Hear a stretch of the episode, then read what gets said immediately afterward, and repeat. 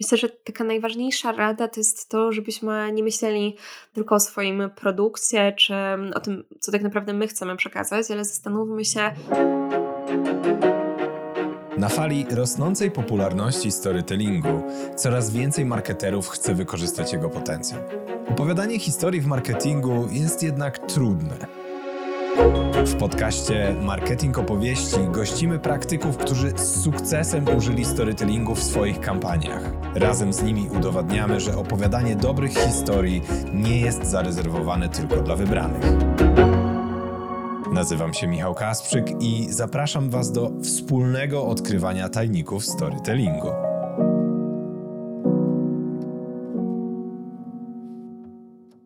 Rynek pracy IT jest jednym z najbardziej dynamicznych rynków pracy w Polsce. Jednocześnie ostatnie lata pokazują, że wynagrodzenie to nie wszystko. Potencjalny pracownik oczekuje od przyszłego pracodawcy znacznie więcej niż tylko regularnych wysokich przelewów. Jak zatem pokazać ludziom, jakim jesteś pracodawcą, w jaki sposób reagujesz na zmiany i dlaczego mieliby pracować właśnie u ciebie? Jednym ze sposobów jest wdrożenie strategii employer brandingowej opartej na storytellingu. Kiedy opowiadasz historię swojej marki, możesz zabrać ludzi za kulisy i pokazać to, co czyni cię naprawdę wyjątkowym. Efektem może być pozyskanie oraz zatrzymanie w firmie takich ludzi, na których najbardziej ci zależy. Nasza dzisiejsza gościni w ciągu ostatnich lat przeprowadziła razem ze swoim zespołem kilka storytellingowych kampanii employer brandingowych. Oczywiście z sukcesem. O tym, skąd wziął się pomysł na taką formę promocji marki, z jakimi wyzwaniami musiała się zmierzyć, jakie efekty przyniosły kampanie oraz jak w tym czasie zmieniało się postrzeganie narzędzia storytellingu, opowie Employer Branding Specialist w Capgemini Asia Pietrzyk. Cześć Asia. Cześć Michał. Bardzo się cieszę, że tutaj y, jesteś z nami i możemy porozmawiać o tych kampaniach storytellingowych. Na początek zawsze mamy taką szybką rundę pytań dla naszych gości i gościń, więc jak szybka, to ja do niej od razu przejdę. Jesteś gotowa? Zawsze. Super. Pierwsze pytanie. Jaki jest Twój ulubiony podcast? O rany, a to jest myślę, że najtrudniejsze pytanie. To tak jakbyś miał wybrać ulubioną potrawę, ulubione dziecko, jeśli masz dzieci. No nie da się tego wybrać.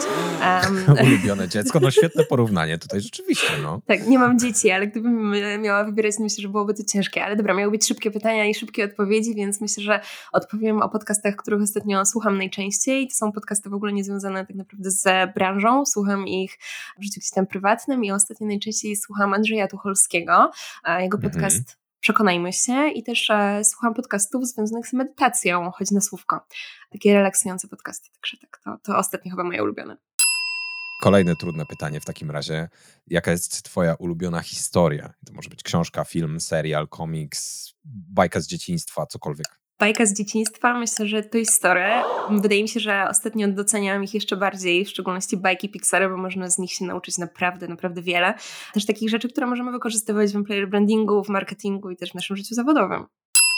Jakie jest Twoje ulubione narzędzie employer brandingowe w takim razie? To jest kolejne trudne pytanie, ponieważ e, narzędzi employer brandingowych jest cała masa, że my w Capgemini nie lubimy wykorzystywać tylko rzeczy związanych z jedną, z jedną branżą. Zresztą ja też prywatnie nie, nie lubię, lubię poszerzać horyzonty, więc my korzystamy, czerpiemy inspiracje, czy to z IT, czy z marketingu, ale wydaje mi się, że wciąż moim ulubionym narzędziem są filmy, ale też takie filmy, w których możemy robić coś innego, coś innowacyjnego i na przykład filmy e, interaktywne, to jest coś, co w ostatnich latach bardzo, bardzo mnie zaciekawiło. Jaka kampania storytellingowa lub zawierająca elementy storytellingu zwróciła ostatnio Twoją uwagę i dlaczego? Ostatnio wydaje mi się, że największą uwagę zwróciłam na kampanię Yes, w szczególności ta kampania, która była w okolicach Walentynek i to, że e, firma Yes w sumie zawsze próbowała pokazywać, albo właściwie nie próbowała, ale pokazywała to, że jest, jest kobietą i też to, jak mhm. pokazywali, żeby kochać nie tylko innych, nie, nie tylko innych, ale też zwrócić uwagę na siebie. Wydaje mi się, że pokazali to w naprawdę bardzo interesujący sposób. Storytelling stał się popularnym na całym świecie narzędziem marketingowym. Widzimy go w reklamach, projektach CSR-owych, real-time marketingu, brandingu czy działaniach PR-owych. Również na naszym rodzimym podwórku coraz więcej marketerów chce opowiadać historię swojej marki. No i nas to bardzo cieszy. Jedna z największych marek IT na świecie zaczęła stosować marketing opowieści również w swoim employer brandingu. Wydaje mi się, że rynek zarówno marketingowy, employer brandingowy, generalnie rynek aktualnie jest tak duży, że musimy znaleźć coś, co w jakiś sposób nas e, wyróżni. Nie wszyscy możemy opowiadać tylko i wyłącznie o produktach, bo tym zdecydowanie znudzimy naszych odbiorców. A wydaje mi się, że storytelling jest tutaj idealnym narzędziem do tego, żeby zaciekawić naszych odbiorców i też moim zdaniem storytelling działa tak, że oni, nasi odbiorcy, nasza grupa docelowa dzięki temu jest bardziej zainteresowana nami, chce poznawać nas bardziej, jest bardziej przyzwyczajona wtedy do, do rzeczy, o których mówimy. I wydaje mi się, że dlatego to powstało. Ja też e, bardzo cenię sobie autentyczność we wszystkich działaniach. Wydaje mi się, że często dzięki storytellingowi możemy pokazać właśnie e, autentyczność naszych działań, wykorzystując bardzo ciekawą, ciekawą formę. A skąd czerpałaś inspirację do tych kampanii? Ty naśladowałaś jakiś wzór, czy, czy to było całkowicie tworzone od zera? Hmm. Czy czerpałam skądś wzór? Wydaje mi się, że Pewnie w jakimś stopniu, na pewno tak, aczkolwiek ja czerpię inspirację z bardzo różnych, e, często dziwnych źródeł. Na przykład jestem powiedz, ogrom... powiedz więcej. Powiem więcej. Jestem ogromną fanką reklam, co może niektóre osoby zdziwić. Myślę, że w świecie marketingowym może niekoniecznie, natomiast e, zawsze do kina idę trochę wcześniej i lubię oglądać te reklamy, które są przed filmami. Co roku, gdy jest Super Bowl, faktycznie siadam przed komputerem i przez kilka godzin oglądam reklamy, niektóre wiele razy, więc myślę, że stąd czerpię bardzo dużo, bardzo dużo inspiracji. Na przykład ostatni Super Bowl i reklamy z wykorzystaniem storytellingu BMW czy, czy Amazon, jak pokazali właśnie storytelling, to było też coś, co bardzo mnie zainspirowało, zaciekawiło, ale też ogromną dawkę inspiracji czerpię z rozmów z ludźmi. Wydaje mi się, że nikt inny nie zainspiruje nas bardziej niż inne osoby, bo każdy człowiek to jest inna historia, każdy człowiek to jest zupełnie inny punkt widzenia i wydaje mi się, że słuchając, uważnie słuchając innych osób, możemy bardzo wiele się nauczyć i też e, wiele zainspirować do rzeczy, które tworzymy. Jestem ciekaw, czy w związku z tym, że e, stawiasz tak bardzo na ludzi, na pracowników, to czy czujesz się może taką wewnątrz Capgemini-ową dziennikarką? Żeby, że opowiadasz prawdziwe historie tych ludzi? Wydaje mi się, że może dziennikarką to jest dość duże słowo, natomiast faktycznie bardzo dużo rozmawiamy z naszymi pracownikami, bardzo dużo zadajemy też im pytań, jesteśmy bardzo ciekawi ich punktu widzenia i wiele naszych kampanii powstało właśnie dzięki e, rozmowom z nimi, dzięki wnioskom, które oni nam zasugerowali. Nasi pracownicy, tak jak właśnie wspominałam, każdy człowiek to jest zupełnie inna historia, tak samo jest w Capgemini, jest nas w Polsce no już e, praktycznie około 11 tysięcy pracowników w całej Polsce, więc e, tych historii jest niesamowicie dużo. I zadając im pytania, pytania możemy naprawdę wyciągnąć ciekawe wnioski, zauważyć rzeczy, na które często my, marketingowcy, player brandingowcy, moglibyśmy nie zwrócić, na co moglibyśmy nie zwrócić uwagi. I też faktycznie to pokazuje tą różnorodność, tą różnorodność, która od zawsze była wpisana w DNA Capgemini. A jak się szuka takich historii? W sensie, no widzisz, no dobra, jest ich ogrom, 11 tysięcy historii, wiadomo, każdy człowiek taką historię ma, ale jak się rozmawia z ludźmi, żeby z, nich albo wyciągnąć taką historię, albo gdzie się znajduje y, informacja o tym, że ktoś taką historię, a nie inną posiada i jak powstaje decyzja później, żeby opowiedzieć tę daną historię, a nie jakąś inną. Teraz odpowiem e, ulubioną odpowiedzią moich wykładowców jeszcze, którą pamiętam z czasów studiów, czyli to zależy. To zależy, to zależy mhm, oczywiście, Dobrze. jak zawsze i wszędzie. E, natomiast wydaje mi się, że opcji tutaj jest naprawdę bardzo dużo, bo czasami takie rozmowy wychodzą zupełnie przypadkiem, gdy spotkamy się, jakieś spotkanie stricte biznesowe, zaczynamy rozmawiać, dzięki temu możemy czerpać e, inspiracje z takich bardzo luźnych rozmów, które wychodzą totalnym przypadkiem, a czasem jesteśmy do tego mocno przygotowani, tak jak było w jednej z naszych kampanii, czyli między innymi, o której pewnie za chwilę więcej opowiemy. Natomiast tam było tak, że przygotowaliśmy sądy do naszych pracowników, organizowaliśmy fokus grupy z nimi, więc tutaj do tego byliśmy bardziej przygotowani i z nimi rozmawialiśmy właśnie na ten, na ten temat poprzez wysłanie ankiet, poprzez zorganizowane spotkania związane właśnie z tą kampanią. W dzisiejszym odcinku wyjątkowo rozmawiamy nie o jednej a o trzech kampaniach zrealizowanych przez Capgemini Polska. Wideo i podcast między innymi, podcast Tech Chatter i kampania social mediowa na 25-lecie Capgemini w Polsce. Zespołowi tworzącemu te projekty zależało na tym, aby pokazać autentyczność pracy w Capgemini. A jeden z najlepszych sposobów, żeby to osiągnąć, to dać opowiedzieć historię marki przez samych pracowników. Przecież na koniec dnia to właśnie ludzie tworzą markę, a nie na odwrót. Ale zacznijmy od początku. Kampania między innymi była kampanią dość, można powiedzieć, kontrowersyjną, bo poruszaliśmy bardzo różne stereotypowe tematy tak naprawdę. Wszystko zaczęło się od 2019 roku, gdzie ruszyliśmy z sondą do naszych pracowników. Zadaliśmy im sporo pytań na temat różnych mitów i stereotypów, nie tylko tych biznesowych, ale też tych, które otaczają nas ogólnie, globalnie na, na świecie, też otaczają nas w społeczeństwie.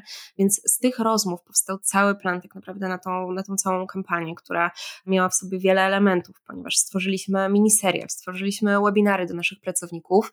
Tak też powstał pomysł tak naprawdę podcastów, bo o podcastach rozmawialiśmy już od e, wielu miesięcy, zanim zaczęliśmy pracę nad tym. Natomiast jeszcze nie mieliśmy takiego konkretnego pomysłu, w którym momencie chcielibyśmy wykorzystać te podcasty, a właśnie pracując nad całą kampanią zastanawialiśmy się, w jaki sposób możemy też pokazać nasze cele biznesowe, w jaki sposób możemy porozmawiać też o naszej strategii CSR-owej. Tak powstał pomysł podcastów, ale jeszcze wracając właśnie do całej tej kampanii, to jeden z jej elementów to były te miniseriale. To też było bardzo ciekawe, bo tak naprawdę efektu finalnego nie znaliśmy do końca za bardzo, ponieważ nie mieliśmy scenariuszy do tych seriali. Tak naprawdę naszych pracowników zaprosiliśmy na nagrania, oni do końca też nie wiedzieli, co będą nagrywać, więc e, to była też w pewien sposób dla nich niespodzianka. Oni wiedzieli, gdzie mają się pojawić, e, w jakim czasie i że będą coś nagrywać, ale nie wiedzieli do końca co. Czyli kompletnie mm. było to dla, nim, dla nich zaskoczeniem. Nie wiedzieli nic o e, zawartości samej rozmowy. Tak, nie wiedzieli. A okay. seriale polegały na tym, że postawiliśmy, w każdy odcinek tak naprawdę dotyczył innego tematu i w każdym odcinku występowało dwóch bohaterów, którzy mogli różnić się właśnie w związku z tymi stereotypami, mitami, które gdzieś tam wcześniej wyszły nam z tych fokus grup, z naszych sąd, które przeprowadziliśmy. Mieliśmy na przykład temat o różnicach kulturowych, w którym wystąpiła e, osoba z Polski, osoba z zagranicy, więc oni rozmawiali na temat różnic kulturowych. Wyglądało to tak, że przychodziły te dwie osoby, siadały. Na stoliku pomiędzy nimi była szklana kula. W szklanej kuli były kolorowe karteczki, ale tak naprawdę nikt nie wiedział, oprócz osób, które powstały, które tworzyły te karteczki, nikt nie wiedział, co się tam znajduje i nasi pracownicy losując te karteczki odpowiadali na pytania, które się tam znalazły i dzięki temu mogliśmy poznać tak naprawdę różną perspektywę. Byliśmy zainteresowani, czy faktycznie osoby, które patrząc na stereotypy, mogłyby mieć zupełnie inne zdanie na dany temat, czy faktycznie ich opinia będzie się tutaj łączyć, czy będzie zupełnie inna. E, na koniec każdego mm, odcinka tego serialu oni mieli wspólne zadanie do wykonania i też właśnie dzięki temu mogliśmy pokazać, że mimo tych różnic, które w związku ze stereotypami, z jakimiś tam przekonaniami mogłyby im przeszkodzić w tym zadaniu, to właśnie zastanawiać się nad tym, czy im pomogą, czy właśnie przeszkodzą, czy będą w stanie wspólnie rozwiązać to zadanie. I pokazało to, że faktycznie e, ludzie są w stanie ze sobą współpracować, jeśli nawet niektóre tematy mogą mieć zupełnie inne zdanie, inne poglądy. A powiedz coś więcej o podcaście. Jakie tematy tam zostały poruszone? Nasz podcast, między innymi, to było 11 odcinków, których e, nagrywaliśmy, które nagrywaliśmy z zaproszonymi gośćmi.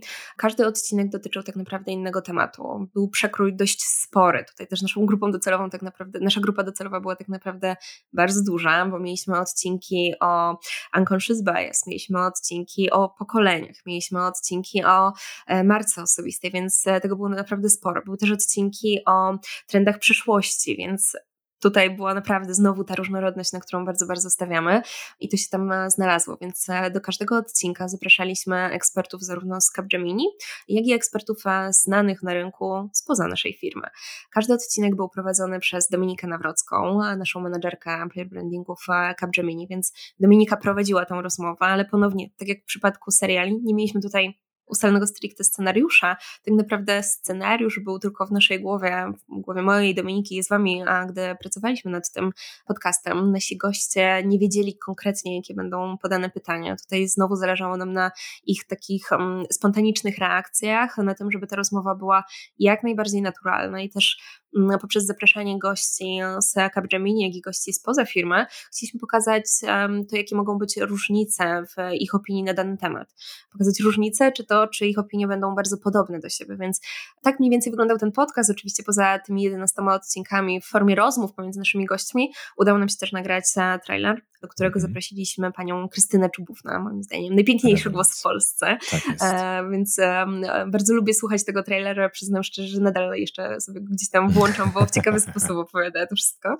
I udało nam się też nagrać odcinek narracyjny, ten ostatni odcinek, który jak sam zresztą wspominałeś, może być słuchany jako pierwszy, który zachęci do, do słuchania całej, całej serii, jak również jako ostatni, który będzie podsumowaniem całego podcastu. No tak, spina się to bardzo zgrabnie.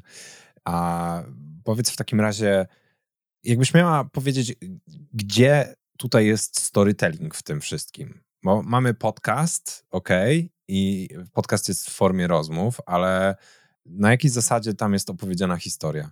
Wydaje mi się, że storytelling wykorzystywaliśmy już od e, samego trailera, który był wstępem do całego podcastu. I tutaj właśnie pani Krystyna Czubówna, opowiadając e, historię o Capgemini, opowiadając historię o całym tym podcaście, wykorzystała, wykorzystała e, właśnie to narzędzie do, do opowiadania historii. Myślę, że w każdym z odcinków pojawił się element storytellingu. Nasi goście opowiadali o swoich historiach, opowiadali o historiach związanych ze swoją pracą, więc te elementy na pewno się tam pojawiały. Ale myślę, że znowu najbardziej ten element storytellingu był wykorzystany w ostatnim odcinku, czyli w tym odcinku narracyjnym, bo tak naprawdę odcinek narracyjny no, powstał, powstał na podstawie właśnie tego narzędzia, gdzie Dominika opowiadała całą historię e, tego podcastu. Pojawiały się tam fragmenty z wybranych odcinków tego podcastu, mm. więc wydaje mi się, że tam ten storytelling był e, najbardziej widoczny, najbardziej słyszalny, mm -hmm. bo mhm, też nie mieliśmy mhm. tam obrazu w podcaście. No i też tematyka każdego odcinka była niejako elementem historii od samych odbiorców, bo oni się czegoś dowiadywali, y, mogli rozwiązać jakieś swoje, może nie tyle problemy, ale jakieś zagwostki, y, którymi, y, które ich męczyły i właśnie na podstawie wiedzy zaserwowanej przez ekspertów mieli okazję się czegoś dowiedzieć i, i tę swoją podróż bohatera czy bohaterki domknąć. Więc wydaje mi się że też, że od drugiej strony to też jak najbardziej działało. Mam nadzieję, że właśnie tak było i myślę, że to udało się spełnić, bo faktycznie tych odcinków mieliśmy dość sporo, bardzo różnorodnych, więc myślę, że sporo osób mogło tutaj znaleźć coś dla siebie, wybrać tą najciekawszą historię, którą chcieliby mhm. usłyszeć. A przed jakimi wyzwaniami stanęliście w trakcie realizacji i tej formy wideo, i tej formy audio? Wyzwań było sporo, oczywiście, bez tego nie byłoby no całej raczej. zabawy. Pracę nad całą koncepcją zaczęliśmy jeszcze w 2019 roku, gdzie rzeczywistość otaczająca nas wyglądała zupełnie inaczej. Mieliśmy sporo planów dotyczących całej tej kampanii. Jeśli chodzi o podcast, planowaliśmy tutaj podróże po naszych biurach. Chcieliśmy zaprosić naszych gości do właśnie biur. Pamiętam te nasze pierwsze rozmowy, gdy zastanawialiśmy się, czy wynajmiemy studio, gdzie będziemy nagrywać, um, nagrywać podcasty, czy faktycznie jednak pojawimy się w biurach. Zdecydowaliśmy, że pojawimy się w biurach, żeby w tle było słychać ten gwar, te rozmowy naszych pracowników, mm. to gdy parzą kawę w kuchni, pokazać to faktycznie, jak e, pracujemy na co dzień. Mieliśmy podróżować faktycznie sporo. No i udało się nagrać e, kilka pierwszych odcinków zgodnie z planem. Przyjechali goście e, zewnętrzni, pojawili się nasi pracownicy w naszych biurach, spotkaliśmy się wszyscy razem w jednej sali, mogliśmy nagrać odcinki. No i to był marzec 2020 roku. Wszyscy później wiemy, co się wydarzyło i pokazało to, że nasze plany, to jak wygląda świat, często może wyglądać zupełnie, zupełnie inaczej. No i myślę, że to był pierwszy taki moment, który bardzo, bardzo nas zaskoczył. Myślę, że wszystkich nas zaskoczył, bo nie, nie, nie spodziewaliśmy się tego, że świat w um, kilka dni tak naprawdę może być e, wywrócony do góry nogami. Nasi pracownicy ponad 90% przez pierwsze kilka dni od razu przeszli na całkowicie pracę zdalną. My tutaj też zastanowiliśmy się, czy faktycznie przełożymy nagrania na nie wiadomo kiedy, bo nie wiedzieliśmy, kiedy ta sytuacja związana z pandemią się skończy, czy w ogóle się skończy, czy świat wróci do, do normalności, czy też nie. Całe szczęście, że nie zostały przełożone, bo dopiero byśmy kończyli. tak, pewnie tak. E, więc właśnie nie chcieliśmy tego przekładać w nieskończoność na nie wiadomo kiedy. Zależało nam na tym, żeby nasze plany zostały zrealizowane i nauczyliśmy się tego, że musimy podchodzić do sytuacji bardzo elastycznie i reagować na te zmiany otaczające nas wszystkich. I wtedy postanowiliśmy, że faktycznie, skoro pracownicy są w domu, zależy nam na autentyczności, to podcasty też przenieśliśmy, można powiedzieć, do domu, więc każdy z naszych gości łączył się ze swojego domu, ze swojego miejsca, w którym pracuje, w którym wtedy aktualnie przybywał, um, ale z drugiej strony wciąż zależało nam na jak najlepszej jakości dźwięku, więc tutaj kolejne wyzwanie, jak to zrobić w domu, więc pojawiły się znowu spotkania przygotowujące do tego, jak przygotować całą przestrzeń do mhm. nagrania. Tutaj wiele wskazówek, Michał, od Ciebie, czyli te otwarte szafy, koce, poduszki i tak dalej, to bardzo cenne wskazówki. No i z drugiej strony też musieliśmy w jakiś sposób dostarczyć, dostarczyć sprzęt do wszystkich osób, które występują w danym odcinku. Tutaj niespodzianek też było trochę. Zdarzały się historie, gdzie kurier pomylił adres, paczka znalazła się u sąsiada sąsiadki. E, przez kilka godzin szukaliśmy paczki, kurier mówił, że dostarczył, e, paczki nie było u naszej osoby, która miała występować w tym, w tym odcinku. Pamiętam, że na kilka minut przed samym nagraniem paczka się odnalazła, udało się to nagrać, więc niespodzianek było sporo faktycznie przy tym projekcie. I też wydaje mi się, że było dużo niewiadomych, bo tak naprawdę skoro postawiliśmy na tą autentyczność i nie mieliśmy przygotowanego takiego scenariusza, to do końca nie wiedzieliśmy, jaki będzie efekt finalny. Z jednej strony było to coś, na czym najbardziej nam zależało, czyli żeby te rozmowy były naturalne, żeby to nie było nic wyreżyserowanego, ale z drugiej strony nikt do końca nie wiedział, co wyjdzie z tych rozmów, czy one faktycznie będą ciekawe, czy niekoniecznie wydaje nam się, że udało nam się zrobić to, że mm, te odcinki były ciekawe, rozmowy były interesujące, jak najbardziej naturalne. To może to jest dobry moment, żeby powiedzieć o efektach tej kampanii, y, nie tylko samego podcastu, ale też y, tej formy wideo. Jak to wyszło? Reakcje muszę powiedzieć, że były bardzo dobre. Na początku promowaliśmy całą kampanię wśród naszych pracowników, we wewnętrznych naszych kanałach komunikacji, więc to byli nasi pierwsi odbiorcy i faktycznie kampania przyjęła się e, bardzo dobrze. Wszyscy e, mówili, że jest ciekawa, oglądali, słuchali. Później, gdy promowaliśmy ją zewnętrznie, to też już mogliśmy tutaj e, spojrzeć na nasze wyniki, na statystyki, czy to wyświetleń filmów, seriali na YouTubie, czy to wyświetleń mm, odsłuchów tak naprawdę podcastów aplikacjach, gdzie nasz podcast był dostępny, więc faktycznie oczywiście robiąc wszystkie rzeczy musimy później analizować, spojrzeć na te dane, nie tylko na odbiór i opinię, no więc te dane też były zadowalające, ale z drugiej strony to, na czym bardzo nam zależało, czyli znowu się powtórzę, pokazaliśmy autentyczność, przedstawiliśmy firmę oczami naszych pracowników, więc te nasze plany też zostały zrealizowane, a z drugiej strony też dostaliśmy wiele nagród, więc ta kampania została zauważona nie tylko wśród naszych odbiorców, naszych pracowników czy osoby, które są zainteresowane naszą firmą, ale też na rynku employer brandingowym i marketingowym, więc myślę, że to właśnie pokazało, że, że, że ta kampania była sukcesem. Wspomniałaś, że najpierw promowaliście ten projekt wewnętrznie, a dopiero później na zewnątrz. I ja jestem ciekaw, skąd taka decyzja? Zawsze stawiamy najpierw na naszych pracowników i to na nich najbardziej nam zależy. Oni występowali w e, tych projektach, więc chcieliśmy, żeby oni też byli pierwszą grupą odbiorców, którzy mogliby zapoznać się z tymi treściami. Idealna odpowiedź. w kampanii między innymi do opowiedzenia o marce został użyty między innymi podcast. Asi i zespołowi to medium spodobało się na tyle, że kolejny projekt employer brandingowy, czyli Tech Chatter, oparli stricte na podcaście. Ja bardzo wierzę w podcasty i też e, patrząc na to, co dzieje się od e, kilku ostatnich lat, to ja myślę, że jest to medium, które e, bardzo się rozwija w dalszym ciągu, nie tylko na rynku zagranicznym, ale też na rynku w Polsce. Mhm. Pamiętam, gdy zaczynałam się interesować podcastami, to był przełom 2018-2019 roku. Wydaje mi się, że to było takie medium bardzo mocno jeszcze raczkujące w Polsce. Nie, nie wszyscy znali w ogóle podcasty, często musiałam tłumaczyć, co to jest, skąd się wzięło i też pamiętam, gdy sama zaczynałam słuchać podcastów, nie było ich tak wiele, jak jest w tym momencie. A też zwracając uwagę na badania, pokazują, że faktycznie coraz więcej osób słucha tych podcastów. Pamiętam pierwsze nasze wydarzenie, które udało nam się zrealizować, to jeszcze wydarzenie, które organizowałam prywatnie. Michał, byłeś jednym z gości tego wydarzenia, tak. czyli to wydarzenie, które robiłam z Edytką, nasz mashup. No to faktycznie wtedy ludzie w ogóle się pytali, co to jest ten podcast. Ludzie, którzy przyszli na to wydarzenie też nie za bardzo wiedzieli, co to jest, zastanawiali się i trzeba im było wszystko tłumaczyć. Natomiast wydaje mi się, że w tym momencie bardzo, bardzo rośnie to zainteresowanie. Też um, podcast jest takie medium, które można wykorzystywać na wiele ciekawych sposobów, bo tak jak wideo na przykład, tutaj nasz odbiorca musi usiąść, skupić się, musi mieć faktycznie miejsce do tego, gdzie będzie to oglądał i skupić nie tylko słuch, ale też właśnie tutaj to, że musi oglądać coś, nie tylko, nie tylko słuchać. Natomiast w przypadku podcastów jest to medium, które możemy wykorzystywać robiąc wiele innych czynności, więc wydaje mi się, że jest też bardziej dostępne dla, dla słuchaczy i myślę, że dlatego chcieliśmy ponownie spróbować podcastu, bo też tak naprawdę ta pierwsza kampania wyszła całkiem nieźle. Myślę, że nawet bardzo dobrze. A że nie lubimy powtarzać rzeczy w Capgemini, lubimy mm, coś zmieniać, e, próbować nowych rzeczy. Uznaliśmy, że zrobimy podcast, ale zrobimy go trochę inaczej niż ten pierwszy, więc stworzyliśmy zupełnie inną serię. No właśnie, co to znaczy inaczej? Bo e, z jednej strony tutaj to samo medium, z drugiej strony nawet lepsze warunki, no bo większa świadomość ludzi i wy macie już doświadczenie, ale jednak inaczej. Co to znaczy inaczej? Przede wszystkim nasza grupa docelowa tutaj była zupełnie inna. Tutaj postanowiliśmy, że chcielibyśmy zrobić inny podcast, gdzie między innymi był związany bardziej z dość ogólną tematyką. Tak, w przypadku tych czytara zdecydowaliśmy się, że chcielibyśmy pokazać, że Polska jest miejscem, w którym robimy niesamowicie innowacyjne rzeczy w IT. Mhm. Ja mam wciąż wrażenie, że często mówiąc globalnie o Polsce, jeśli chodzi o rynek IT, mówimy, że tutaj nie tworzymy interesujących rzeczy.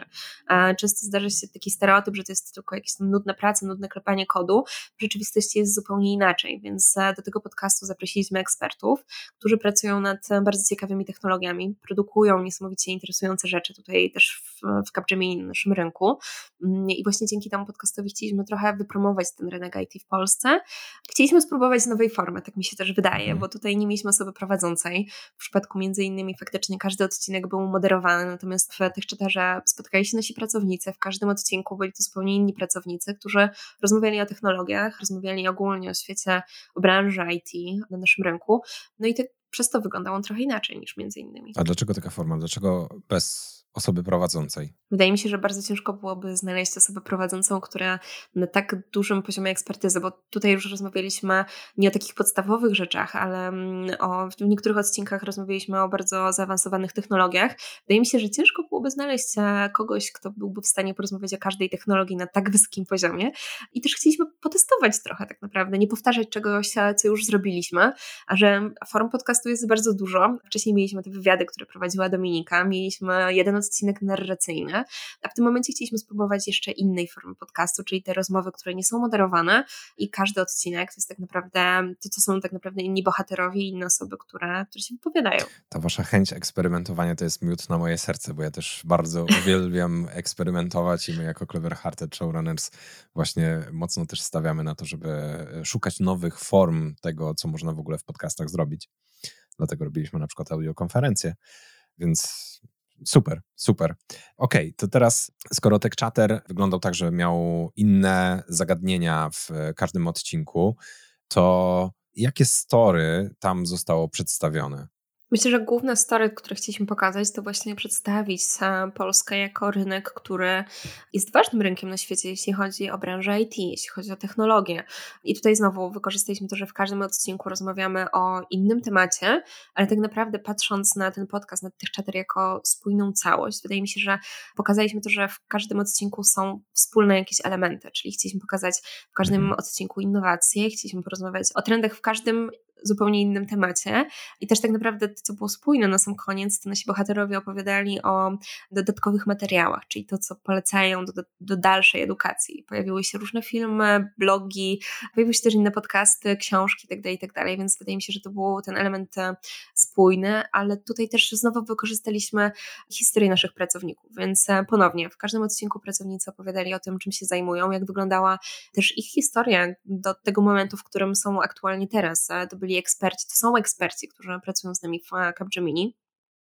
I w każdym odcinku oni opowiadali też swoją własną historię o tym, jak oni się tego wszystkiego nauczyli, jak oni doszli do tego momentu, w którym e, są aktualnie, jak wyglądała ich historia, jak się tego uczyć e, i też co będą robić dalej. Wydaje mi się, że to też była całkiem niezła dawka inspiracji dla osób, które już działają w tej branży, ale też dla osób, które dopiero gdzieś tam o tym myślą, chcą zacząć.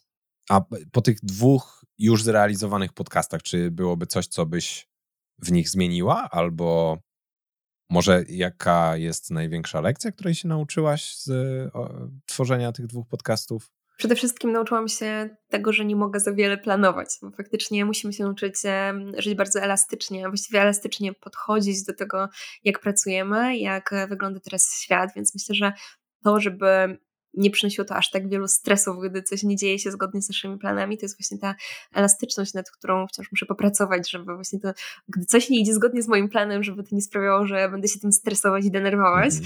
Więc myślę, to że to trudne. przede wszystkim lekcja z 2020, 2020 roku, ale też no, w, tym, w tym roku też było sporo niespodzianek i to, jak świat wygląda aktualnie, to też się bardzo, bardzo mocno zmieniło w ostatnich miesiącach.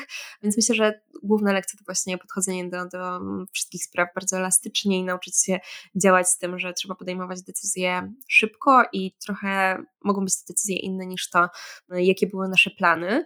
A czy zrobiłabym coś inaczej? Na pewno. Ze względu na to, że często jestem perfekcjonistką, co jest moim ogromnym minusem, tak mi się wydaje, bo zawsze jak analizuję wszystkie projekty, a bardzo lubię też analizować, bardzo lubię też dane i podsumowania, bardzo, bardzo lubię ten moment, to zawsze sobie myślę, że kurczę, mogłam zrobić coś lepiej, ale to jest myślę, że tylko i wyłącznie moja wewnętrzna jakaś tam bolączka, że zawsze chciałabym zrobić coś lepiej, inaczej i wiele, widzę wiele możliwości e, często po zrealizowaniu projektu, ale patrząc na koniec dnia na te dwa projekty, to myślę, że kurczę, jestem z nich dumna, że faktycznie wyszły całkiem nieźle, wyszły zgodnie przede wszystkim z naszymi planami.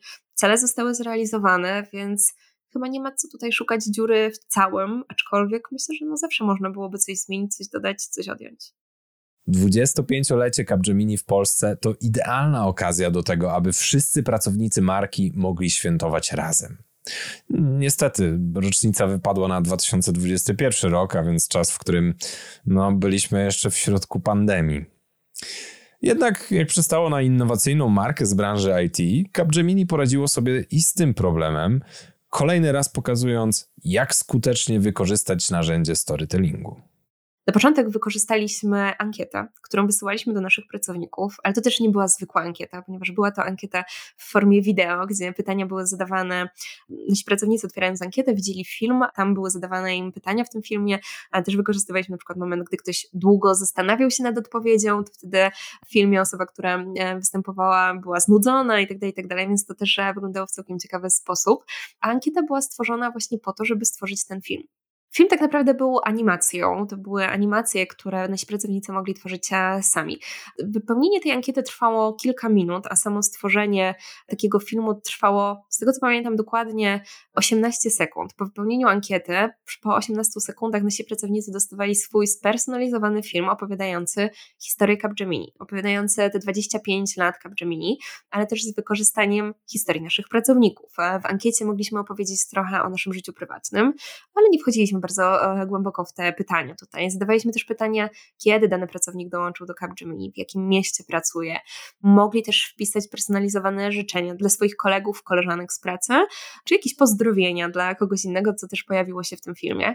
Co ciekawe, ważny tutaj był również moment e, uzupełnienia ankiety. W zależności od tego, w którym momencie dnia pracownik uzupełnił ankietę, to inny moment dnia pojawiał się na zegarku, pojawił się za oknem.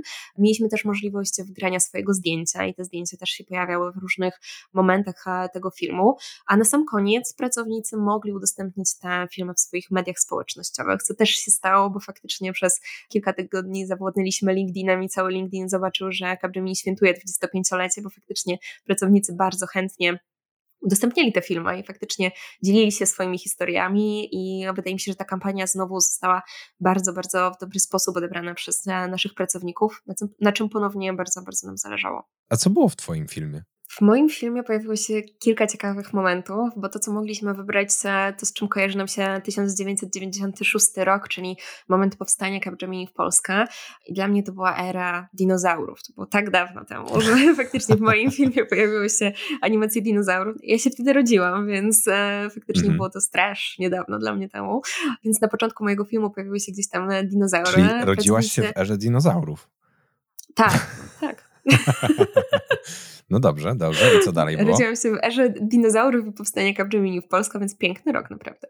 Co dalej? E, wgrałam też swoje zdjęcie i to było całkiem fajne, gdzie faktycznie to zdjęcie pojawiło się na koniec w tym filmie. Napisałam pozdrowienia dla moich e, koleżanek z zespołu. To pojawiło się na koniec tego filmu. Też był zaznaczony rok, w którym dołączyłam do Capgemini i wow, to już było ponad 4 lata temu, więc to też już strasznie dawno. A wydaje się, jakbym zaczynała pracę tutaj dopiero wczoraj. Więc e, to się pojawiło w filmie.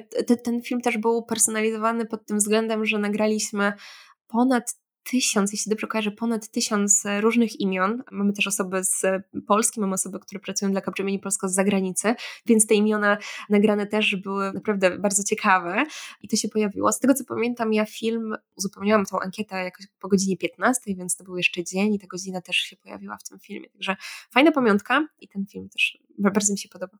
A jak się e, zabiera do czegoś takiego? Bo tu rozumiem, że trzeba było to odpowiednio zaprogramować, żeby ta animacja w jakiś sposób się generowała sama na podstawie odpowiedzi osoby, która ją uzupełnia. Tak, no więc e, musieliśmy przygotować tak naprawdę mm, bardzo dużo animacji, bardzo dużo wersji, które tak naprawdę na koniec były po prostu łączone poprzez to, co odpowiedzieli ludzie w e, ankietach. Czyli to tak jak mhm. na przykład u mnie pojawiły się dinozaury, u kogoś innego, jeśli zaznaczył, że na przykład wtedy pisał wiem, maturę czy, czy coś takiego, pojawiały się zupełnie inne animacje, więc tych opcji było kilka, musieliśmy być na to przygotowani. No i tak naprawdę tutaj mocno korzystaliśmy z technologii, która pozwala na to, żeby właśnie połączyć kilka filmów i stworzyć z tego jeden film. A że działo się to automatycznie, gdzie te wyniki ankiet łączyły się dzięki tej technologii właśnie w animacji, no to trwało to tak bardzo krótko. Mhm. Przy okazji 25-lecia zrobiliście też parę innych rzeczy, bo widziałem, że wydaliście raport wpływu, że powstała playlista na Spotify'u z muzyką na 25-lecie. Czy było coś jeszcze? Mieliśmy również prezenty dla naszych pracowników, więc e, celebrowaliśmy jak się tylko dało. Faktycznie próbowaliśmy wykorzystać różne kanały. Raport też powstał po 25 lat. Myślę, że to jest dobry moment na ciekawe podsumowanie. E, playlista na Spotify, czyli celebracje. Mogliśmy włączyć sobie gdzieś tam muzykę w tle i oglądać na nasze firmy, więc e, faktycznie tych wydarzeń było sporo. W naszych biurach też się pojawiły balony, także próbowaliśmy świętować jak tylko się dało.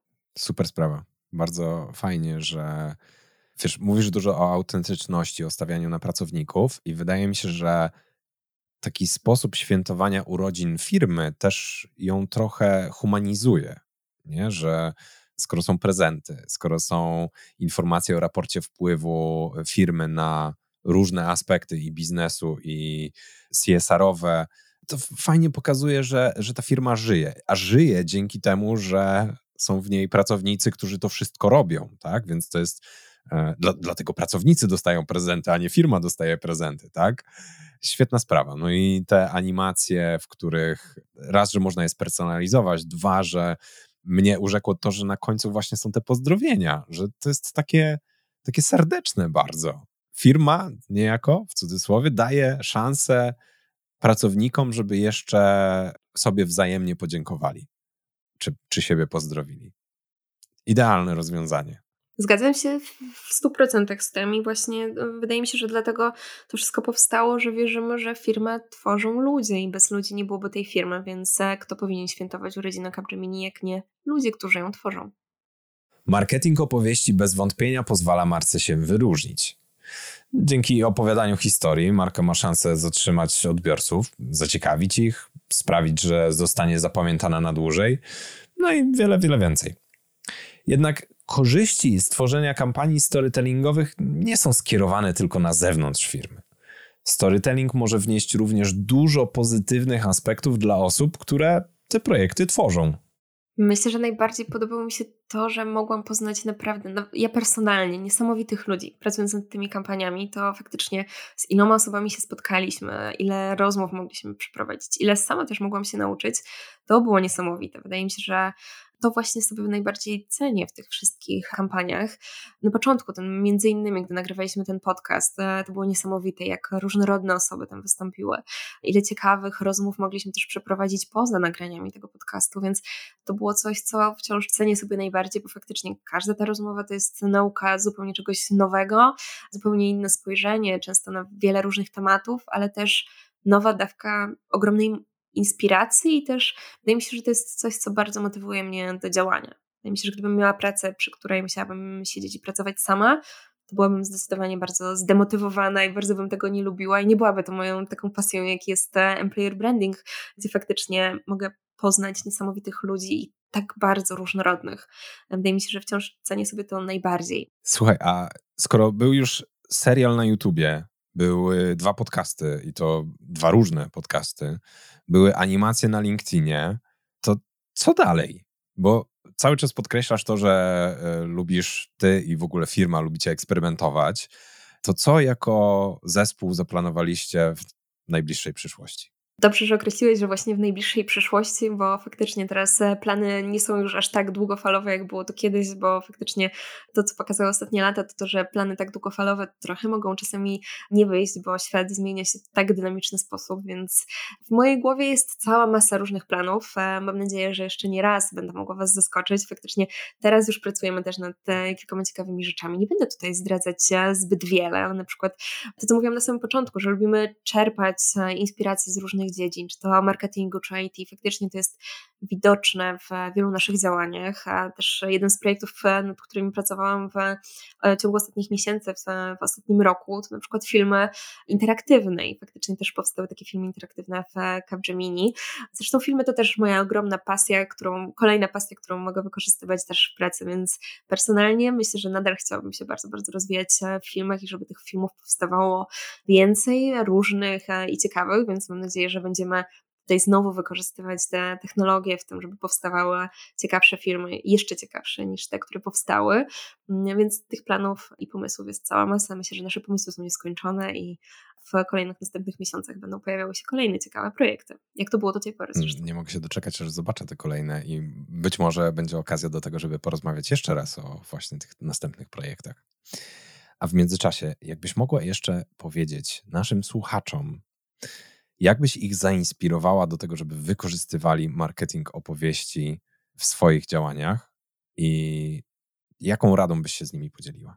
Myślę, że taka najważniejsza rada to jest to, żebyśmy nie myśleli tylko o swoim produkcie, czy o tym, co tak naprawdę my chcemy przekazać, ale zastanówmy się, e, jakie są oczekiwania naszych odbiorców, co może zainteresować ich, co powinniśmy zrobić, aby oni zostali z nami dłużej, żeby zainteresowały tak naprawdę ich to nasze treści, więc wydaje mi się, że to jest taka główna rada, czyli planując jakieś działania, zacznijmy od tego, co może za, zainteresować, zaciekawić odbiorców. Wydaje mi się, że to jest w szczególności najważniejsze. A jeśli chodzi o inspirację, to wydaje mi się, że to, że rynek jest e, teraz, e, na rynku dzieje się tak dużo, że musimy zastanowić się nad tym, co może nas wyróżnić. Czyli czerpiąc inspirację, czerpmy tych e, inspiracji z różnych miejsc jak najwięcej, czyli nie przyglądajmy się temu, co już powstało i nie pracujmy tak, że odtwarzamy coś, co już jest, tylko faktycznie bawmy się tą formą, bawmy się tą treścią, próbujmy nowych rzeczy przede wszystkim i czerpmy inspirację ze wszystkiego, co tak naprawdę nas otacza.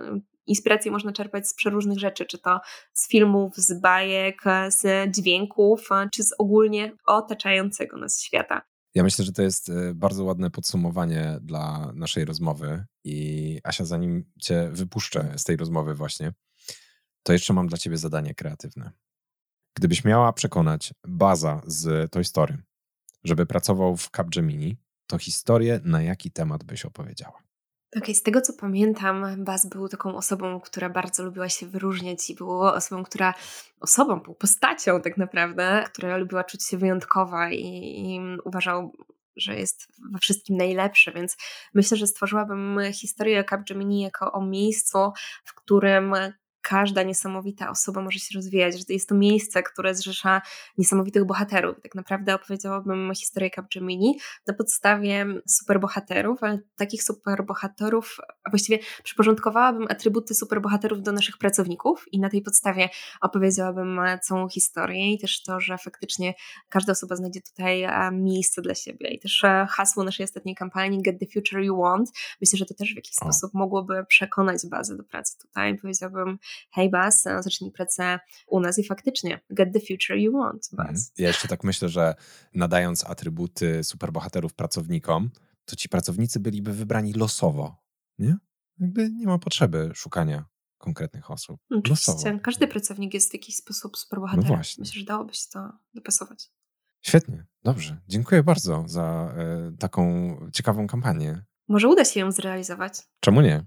Ja myślę, że jest y, w niej bardzo duży potencjał. Tak serio, serio, naprawdę jest potencjał w niej. A dasz mi kontakt do baza, żebym mogła się z nim skontaktować? E, hmm, e, kurczę, no mówił mi, żebym nie przekazywał za bardzo kontaktu, ale myślę, że jak z nim pogadam, to się zgodzi. Okej, okay, to dzwonimy się, dobra? Dobra, dobra. To y, po, po rozmowie będziemy, będziemy dzwonić. Super. A w międzyczasie Asia, bardzo Ci dziękuję za tę rozmowę, za sporą porcję inspiracji, wiedzy, y, dobry humor i super się z Tobą rozmawiało. Wielkie dzięki. Michał, to ja przede wszystkim bardzo dziękuję za zaproszenie i dzięki temu mogłam spróbować też e, sama czegoś nowego. Była to naprawdę bardzo inspirująca rozmowa też dla mnie. Dziękuję bardzo. Awesome. Drogi słuchaczu, droga słuchaczko, Wierzę w to, że historia tej kampanii będzie dla Ciebie świetną inspiracją do użycia storytellingu w następnej kampanii Twojej marki. Kontynuuj z nami podróż po świecie dobrze opowiedzianych historii i zasubskrybuj podcast Marketing Opowieści w Spotify, Apple Podcasts, Google Podcast lub Twojej ulubionej aplikacji do słuchania podcastów. A jeśli chcesz wyprodukować podcast i potrzebne Ci wsparcie, odwiedź stronę marketingopowieści.pl. Link do strony oraz wszystkich wymienionych w odcinku materiałów znajdziesz w opisie podcastu.